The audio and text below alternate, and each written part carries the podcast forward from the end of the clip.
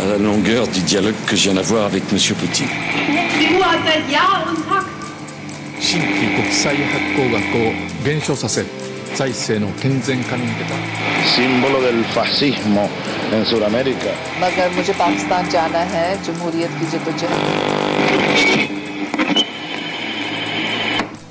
USA og Russland har fått i stand en våpenstillstand i Syria, stengte grenser i Sør-Europa skaper flaskehalser i Hellas, og Nord-Korea truer med atomkrig dersom USA og Sør-Korea går i gang med en felles militærøvelse som etter planen skal starte på mandag. Dessuten er Brasils tidligere president Luis Inacio Lula da Silva blitt avhørt i forbindelse med mistanke om korrupsjon i det statlige oljeselskapet Petrobras. Og presidentkampen i USA ruller videre med uforminsket styrke. Du hører på utenriksmagasinet MIR her på Studentradioen i Bergen, og i dag så har vi aktualitetssending. Du skal dessuten få høre en kommentar fra vår medarbeider Håvard Lid om kravene som Tyrkia stiller når de nå ønsker seg en EU-avtale.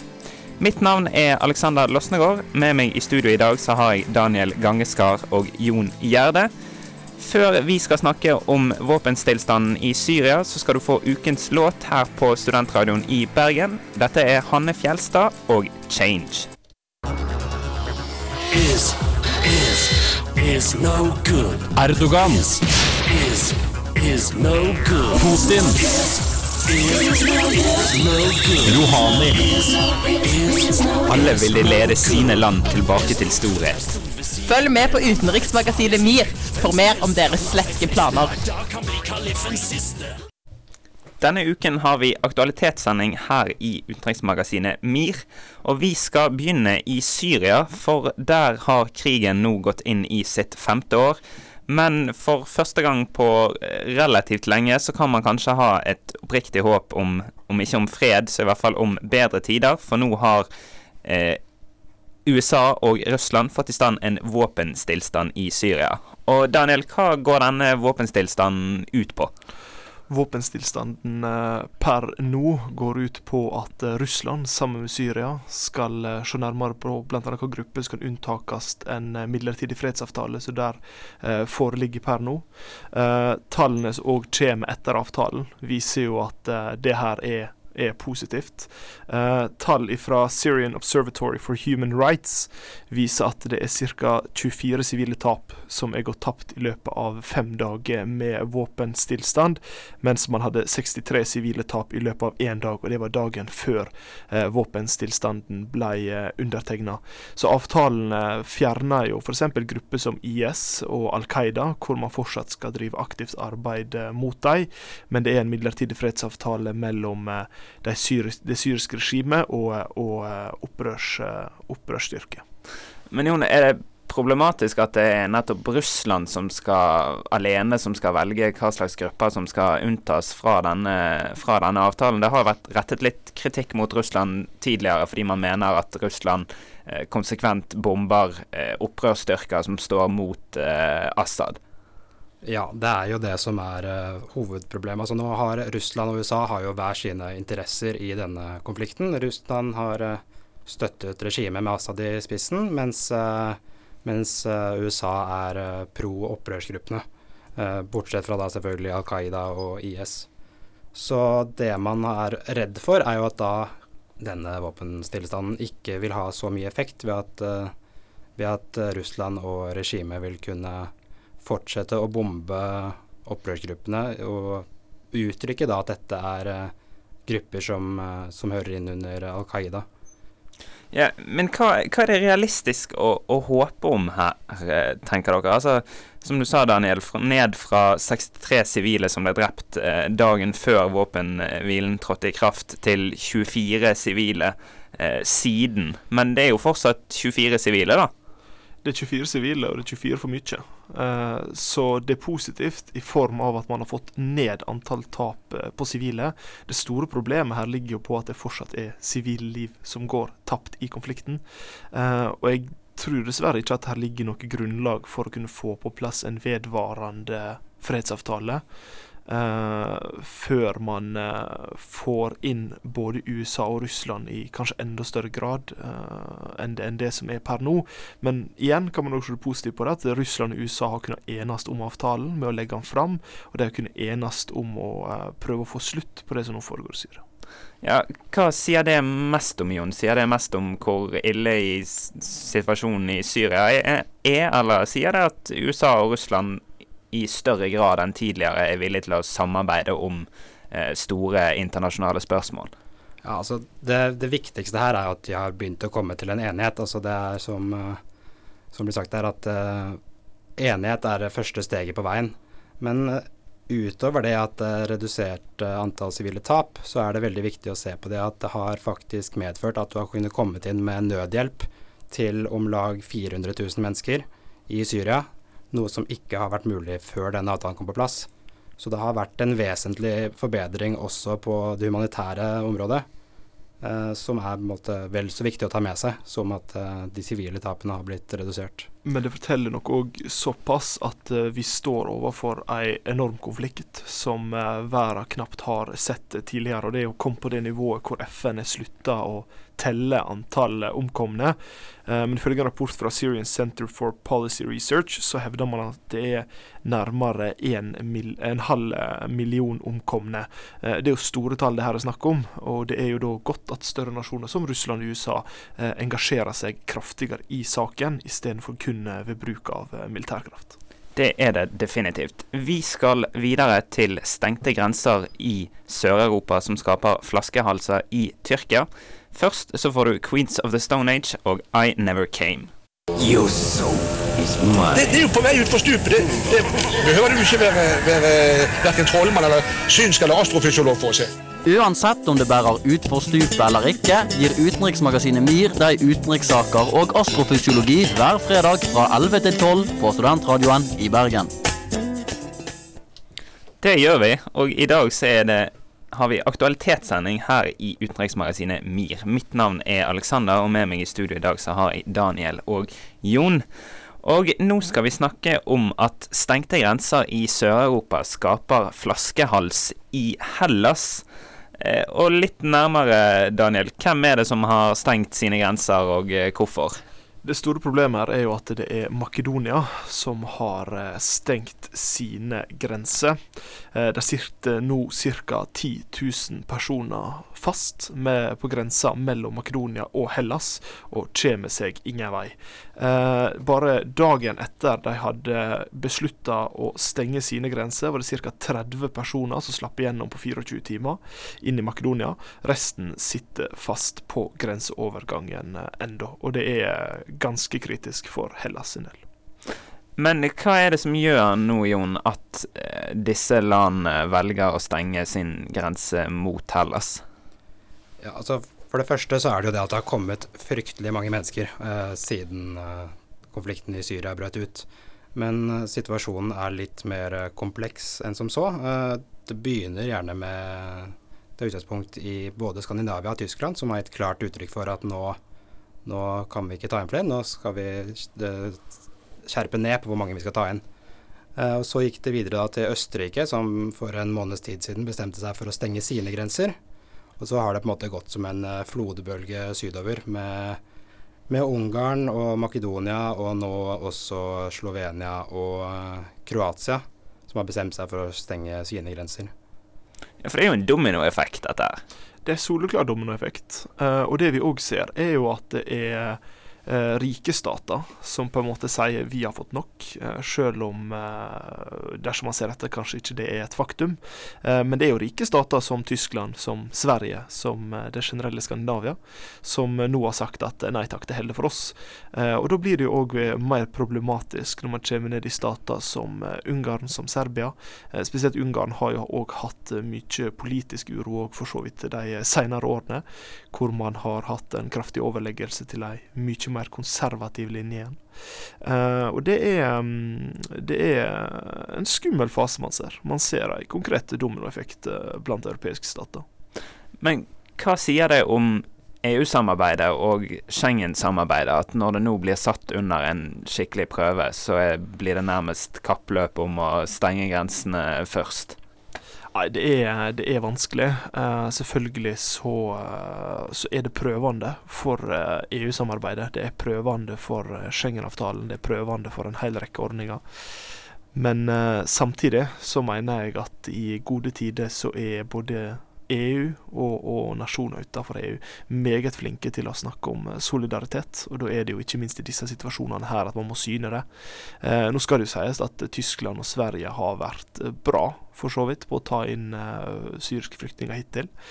Uh, mens uh, det er en rekke stater som uh, kan godt komme etter og, og ta inn mer.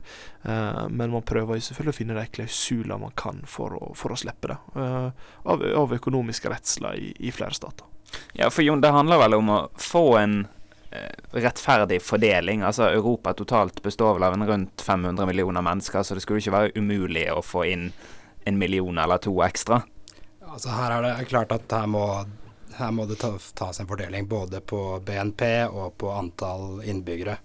Så de landene som har eh, ressurser til å ta imot uh, flere, må ta imot flere enn de som ikke har det.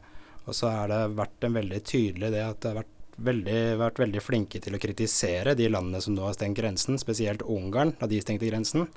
Veldig raskt ute med å kritisere det. Men de har jo tross alt Jeg eh, leste at de hadde 200 000-300 000 uh, syriske flyktninger som var i Ungarn da grensen ble stengt. Eh, I motsetning til eh, f.eks. Norge, da, som har tatt inn 30 000 i 2015. Så her er det relativt eh, stor forskjell mellom eh, hvor mange land du tar inn, og nei, hvor mange syriske flyktninger som du tar inn, og hvor, mange, hvor, stor, eh, hvor stort ressursapparat som ligger bak. Straks så stiller vår medarbeider Håvard Lid spørsmålet om Tyrkias ønske om en EU-avtale om flyktningstrømmen kan være en varig løsning på problemet. Først Parket Courts og Dust. Hei, dette er forsvarsminister Ine Eriksen Søreide. Du hører på utenriksmagasinet MIR. I denne ukens kommentar så spør vår medarbeider Håvard Lid om Tyrkias ønske om en EU-avtale om flyktningstrømmen kan være en varig løsning på problemet.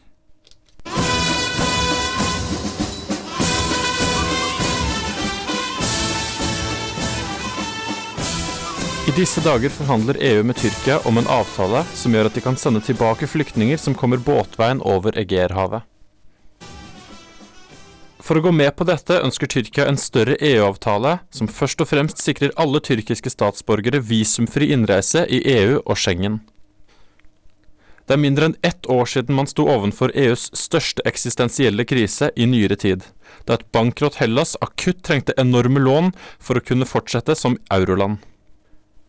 Hellas er et land som forhastet ble med i eurosamarbeidet, men som vi nå vet har verken den økonomiske eller politiske styringen som kreves av et EU-land.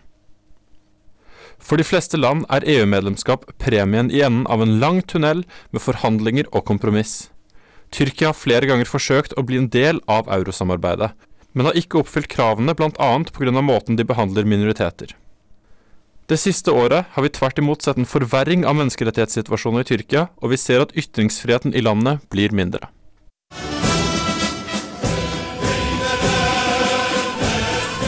Flyktningstrømmen fra Tyrkia viser mangel på kontroll. Dette er et Nato-land, der tusener av mennesker blir lurt av menneskesmuglere til å reise over havet med livet som innsats. Om Tyrkia ikke ønsker å ta tak i problemet, eller faktisk ikke har kapasitet, det vet jeg ikke men å gi landet en snarvei inn i EU for å løse flyktningstrømmen mot Europa er naivt. Menneskesmuglere opererer der det er mangel på maktmonopol. Steder de kan organisere sin utnytting av mennesker uten for mange forstyrrelser.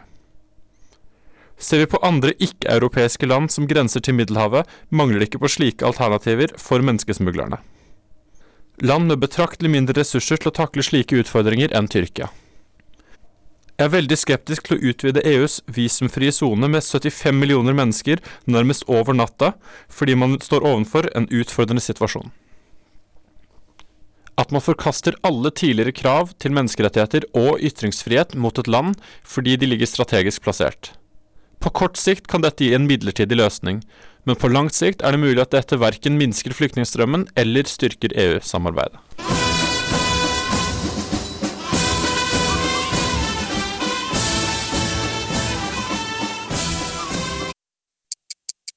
Brasil, Colombia, Venezuela, eh, Argentina, eh, Chile, eh, Paraguay, eh, Uruguay. Altså i land etter land. Bolivia. Har du lyst til å kunne like mange land som Håkon Børde? Hør på utenriksmagasinet MIR hver fredag fra 11 til 12 på Studentradioen i Bergen. Der fikk du virkelig og låten uansett hva du hører på utenriksmagasinet MIR her på Studentradioen i Bergen. Og nå så skal vi bevege oss litt videre til eh, Nord-Korea. For der er beskjeden det at hæren og folket i Nord-Korea vil sørge for at skuddene fra provokatørene høres ut som en klagesang. Om vi trykker på knappen for å utslette fiendene, vil alle provokatørenes baser bli redusert til hav av flammer og aske på et øyeblikk. Eh, relativt krass beskjed nå som USA og Sør-Korea på mandag etter planen skal i gang med en felles militærøvelse, Daniel. Dette her er, er kraftige ord som kommer fra, fra Nord-Korea akkurat nå. De kaller jo eh, et eventuelt atomangrep for eh, forebyggende mot eh, USA og eh, Sør-Korea. Spørsmålet man må stille seg, er jo eh, Dette har man hørt før. Ligger det, ligger det noe i det? Eh, jeg mener ikke man skal avskrive trusler som kommer fra Nord-Korea, men eh, du kunne nesten lagt ut et samlealbum. Ja, for dette er jo ikke akkurat første gang vi, vi hører lignende retorikk, Jon. Det er jo nærmest en eh, årlig eh, begivenhet. Ja, det er jo akkurat det der. For den militærøvelsen her, den har eh, USA og Sør-Korea en gang i året. Og det er alltid de samme uttalelsene, mer eller mindre, som kommer fra Nord-Korea hver gang. Men jeg er litt mer sånn Jeg føler vi må legge litt mer i det denne gangen, med tanke på de eh, prøvesprengningene og det som har vært i det siste. Uh, føler truslene er litt mindre tomme nå. Uh, spesielt med tanke på altså, et land som kan gjøre så mye mot sin egen befolkning. Hvor, uh, hvor, hvor, lite sannsynlig er det ikke da at de faktisk kan gjøre noe med andre lands befolkning, tenker jeg. Jeg ser jo den, at på bakgrunn av antall prøvesprengninger som har vært siste tida, og at det egentlig er blitt stadig mer aggressivt, eh, så ser jeg at man kanskje bør, bør legge litt mer bak truslene som kommer fra Nord-Korea. Eh, nå har seg òg for et, en del år tilbake så òg var Nord-Korea hyppig frampå med trusler og prøvesprengninger. Så roa det seg ganske kraftig en periode før det nå har på en måte tatt seg litt opp igjen. Selvfølgelig, det går litt på samme greia. Det går litt i en sånn her eh, bølgedal for Nord-Korea sin del. Um, og, og, igjen, altså, jeg, jeg har, har, hørt truslene før. Jeg avskriver ikke så tomme trusler. Men uh, du kan på en måte rope ulv, ulv så mye før du blir stoppa. Men en del eksperter Jon, de mener jo at dette er Nord-Korea sin måte å få kontakt med omverdenen på. Ja, altså, nå har jo Nord-Korea er jo under sterke sanksjoner fra verdenssamfunnet generelt. Uh, og det er veldig begrensa. Altså, utad så er det kun den statlige nyhetskanalen som uttrykker seg, og innad så er det akkurat det samme. Så det er liksom Det er alt det som kommer eh, ut av landet, og alt det som blir formidlet innad i landet, er ren regimepropaganda. Så ja, det er liksom det er litt sånn hvor, hvor, alvorlig kan du ta de utsagnene her? Uh, har, har, de atomvåpen? Det har vært veldig lett å fnise av de utsagnene som, uh, som Nord-Korea kom med, at uh, dette er bare tull, og de har jo ikke de har jo ikke atomvåpen, og det er ikke sjans at de har langdistansemissiler. Men et par av de prøve, prøvesprengningene og missiloppskytningene som har blitt gjennomført det siste året, viser jo at de faktisk kanskje har mer omfattende teknologi enn man tidligere var klar over man må jo huske at eh, Nord-Korea er et regime basert på frykt. Eh, det er basert på at innbyggerne frykter, frykter styresmaktene. Så jeg vil nok òg tro at å komme med denne her type trusler her, jevnlig, er òg litt for å markere innad at eh, for Nord-Korea sin del så er Nord-Korea ei, ei stormakt i verdenssamfunnet. Uh, og for å markere overfor den nordkoreanske befolkninga at uh, det er klare forskjeller på Nord-Korea og Vesten, og at Nord-Korea skal være en, uh, en sterk motpol mot, mot, Vesten. Ja, og historien viser jo det at når man først har slike våpen, så er man ikke nødvendigvis avhengig av eh, altfor mye forsett for at det faktisk skal skje noe. Vi har jo vært relativt nær eh, tredje verdenskrig et par ganger, bl.a. oppe på Andøya, når eh, Mm. det var eh, russere som trodde at det var en eh, langdistansemissil fra USA som var på vei, når det var en norsk forskningsrakett som var skutt opp. Så det er jo utvilsomt en farlig situasjon. Eh, vi skal bevege oss videre til en annen verdensdel og snakke litt om Lula, Brasils tidligere president. Men først så skal du få litt norsk hiphop her på Studentradioen i Bergen. And we go a little something like this. Hit it. President Obama said he did not feel that he deserved to be in the company of so many. The committee has attached special importance to, to Obama's vision of and work for a world free from nuclear that have been honored by this prize and whose courageous pursuit of peace has inspired the world. For more inspiration, utenriksmagasinet MIR. Der fikk du Samor og Kave med Alltid ekte her på Studentradioen i Bergen. Du hører på utenriksmagasinet MIR. Mitt navn er Alexander, og med meg i studio i dag så har jeg Daniel og Jon. Og nå skal vi snakke litt om Brasils tidligere president Luis Inacio Lula da Silva. For jeg nevnte jo innledningsvis i sendingen at han er blitt avhørt i forbindelse med mistanke om korrupsjon i det statlige oljeselskapet Petrobras i Brasil. Men der har det vel vært en utvikling i saken, Daniel?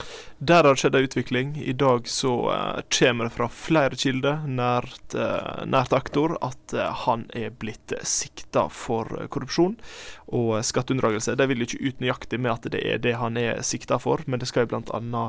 ligge rundt ei da, leilighet som et underselskap av Petrobas skal ha bygd for den tidligere presidenten. Eh, og I tillegg skal han ha mottatt store, store pengesummer når han fremdeles satt i embetet. Ja, det er vel snakk om åtte millioner dollar, nærmere bestemt. Eh, men hva, Jon, hva vet vi om Lula, denne tidligere presidenten? Han, har, han var vel leder for det brasilianske Arbeiderpartiet, stemmer ikke det? Det stemmer. Uh, han gikk jo av som sagt i 2011. Uh, og den etterfølgerne, etterfølgerne, hun kvinnen som tok over, har jo litt stort av den skandalen som på en måte Petrobas har uh, og denne, denne korrupsjonssiktelsen har på en måte medført partiet. og ja. Det store, det store, problemet her er jo da Dilma Rousef, som nå er, er, president i Brasil. For hun ble vel nærmest håndplukket av Lula til å være hans etterfølger? Ja, hun ble nærmest håndplukka av Lula, og han har fungert som en mentor for hun mens han fortsatt var president. Eh, og opp til per dags dato. Og forleden dag så dukka jo hun opp for husene med hundrevis av demonstranter som støtta han, eh, for å vise at eh, de ikke trodde på anklagene. Men hun sjøl sliter jo òg, for hun er jo òg tilknytta skandalen, eh, er i hvert fall det rapportene tilsier, hvor hun anklages for mottak av pengebidrag i valgkampen i 2014. Og det er jo selvfølgelig meget alvorlig hvis det kommer ut at en sittende president i Brasil og en tidligere president skal ha mottatt store pengesummer i forbindelse med Petrobas-skandalen, som jo er sagt å være verdens største korrupsjonssak. Uh, og det er jo ca. 200 personer som er sikta i saken, og 14 milliarder norske kroner skal være utbetalt i bestikkelser til, til politikere og Petrobas-direktører. Det er snakk om ganske store pengesummer, det er snakk om ganske stor folkemengde. Det, det, det er jo en, en, sak som virkelig vil, vil ryste internasjonal politikk.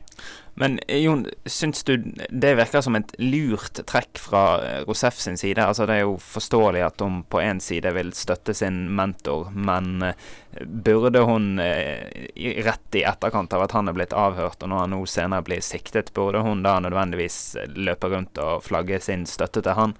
Altså Det her kan jo på en måte slå begge veier. Uh, viser det seg at dette faktisk er hold i, at han har mottatt disse pengebeløpene og den angivelige leiligheten, luksusleiligheten, så har hun på en måte virkelig Da har hun tråkka i salaten. Men hvis det viser seg at nei, her var det faktisk Han har sitt på det tørre, dette er Så gjør hun det eneste riktige, å gå ut og forsvare, forsvarer den tidligere presidenten.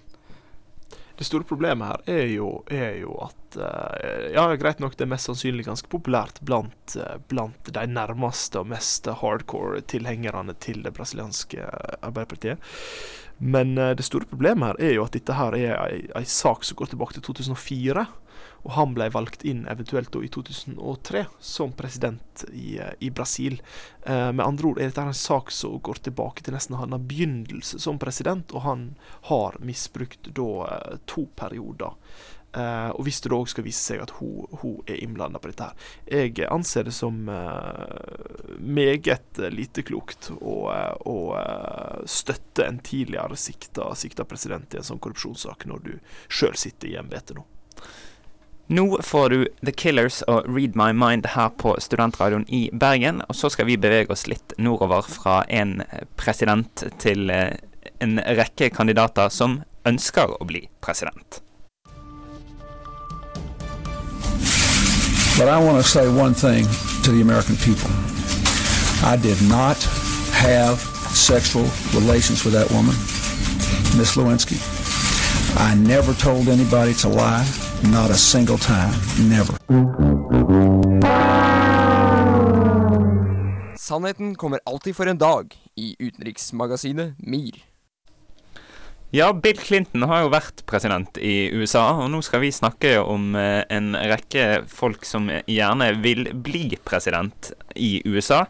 Eh, hvis vi begynner på republikansk side, så har jo eh, Marco Rubio vært nevnt som den store potensielle samlende kandidaten. Men etter denne ukens primærvalg så ser det vel relativt dårlig ut for Rubio. Ja, det ser uh, faktisk katastrofalt ut for uh, Marco Rubio per nå. Uh, han havna på tredjeplass i tre stater, og så taper han Maine bak John Kasich. Marco Rubio er, er ute av løpet. han ble jo sagt før, før primærvalgene begynte nå, at han var the rising star i det republikanske partiet. jeg tror nok det er stjernene som ender litt opp på himmelen for å kunne komme gjennom. Det står nok mellom Ted Cruz og Donald Trump per dag. Men er det da snakk om et uh, valg mellom uh, pest og kolera, uh, hvis vi ser det med litt europeiske øyne, Jon? Ja, det er definitivt. spesielt Ted Cruz er på en måte Han henger ikke med i tiden. Her snakker vi en super superkonservativ, anti-homofili, veldig pro-våpen, konstitusjonell type, som ikke henger med, og Trump som på en måte er han er litt overalt. Uh, veldig spesielt utenrikspolitisk så er det vanskelig å, å egentlig vite hvor, hvor, du har han. Veldig uforutsigbar.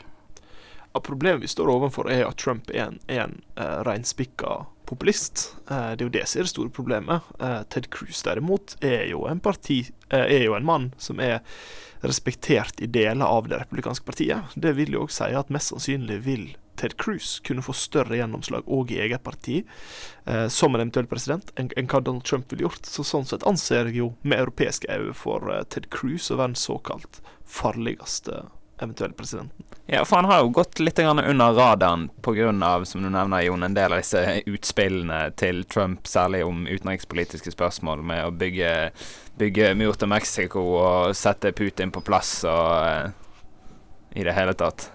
Ja, altså det er uh, som, uh, som du sier, at det er liksom Trump er på en måte den populistiske kandidaten, og Cruise på en måte har kommet litt sånn i skyggen. Men uh, sånn sett så er det Jeg er enig i det at Cruise sånn sett er den store faren, ved at han på en måte er den som eventuelt vil kunne få gjennomslag for den politikken han fører. Trump derimot, med mindre han får med seg store, større deler enn det han måtte ha hatt til nå, så vil på en måte gjennomslagskraften være være mindre uh, i eget parti. Men uh, det er uh, ja. ja. Det er vanskelig å si hva å si hva man skal håpe på av utfall her. Men hvis vi beveger oss litt over på, på demokratenes side, så vant jo Hillary Clinton i Mississippi og eh, økte således sitt totale forsprang til Bernie Sanders. Men Sanders vant jo i Michigan, en stat som eh, vel nærmest alle hadde forventet at Hillary skulle vinne i. Ja, ja, ja. Uh, jeg trodde egentlig ikke mine egne øyne når jeg leste det. Uh, Bernie Sanders uh, klarte virkelig å, å, kjøre et jordskjelv gjennom, gjennom Hillary Clinton der. bare det at han vinner delstaten som i forkant leder Clinton eh, tosifra på alle meningsmålinger som var gjort, og det at han da går seirende ut derifra i etterkant, det er, det er ekstremt imponerende. Eh, og det viser jo for all del at, at, Bernie Sanders er en utfordrer i Det demokratiske partiet, men likevel tror jeg nok at Clinton har et så stort forsprang at det skal, eh, det skal holde veldig hardt for Bernie Sanders å klare å nå gjennom eh, i Det demokratiske partiet. Ja, for Jon, hva sier det, sier det mest om uh, Sanders' evne til å trekke velgere, eller sier det mest om en del av de utfordringene som Hillary Clinton står overfor? Ja, altså det Her har du på en måte to veldig uh, måte, i vinden saker. Du har på en måte Sanders, som er en selvutnevnt uh, sosialist, som er veldig ikke-amerikansk. Og så har du på en måte Hillary, som har muligheten til å bli den første kvinnelige president, presidenten. Eh, så her er det på en måte to, eh, to eh, leire som på en måte er ja, De har på en måte hver sin nye på hvert sitt område. så er jo Hillary er på en måte utenrikspolitisk, så har hun mer tyngde, mer erfaring. Mens Sanders på en måte tar en del av de velgerne som på en måte Jeg ser for meg at det er en del av de som på en måte We are the 99% som på en måte ønsker en litt mer sånn sosialistisk, omfordelende type velkommen. Bernie klarer jo absolutt å, å, mobilisere. Altså Store deler av hans velgergrunnlag nå er jo unge velgere. Altså Det er jo tidligere velgergrupper du har sett har falt ut. Ikke bare i USA, men faktisk i, i ganske mange land. Uh, og han klarer å mobilisere litt disse her, uh, det vi på godt norsk kaller sofasliterne.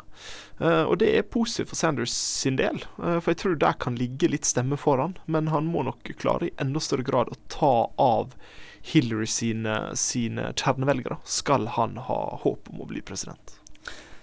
Kampen fortsetter de neste ukene og månedene, og den kommer definitivt til å fortsette å være spennende. Vi nærmer oss slutten av denne ukens utgave av utenriksmagasinet MIR, men først så skal vi gi deg enda litt mer musikk. Dette er Mitski og Your Best American Girl.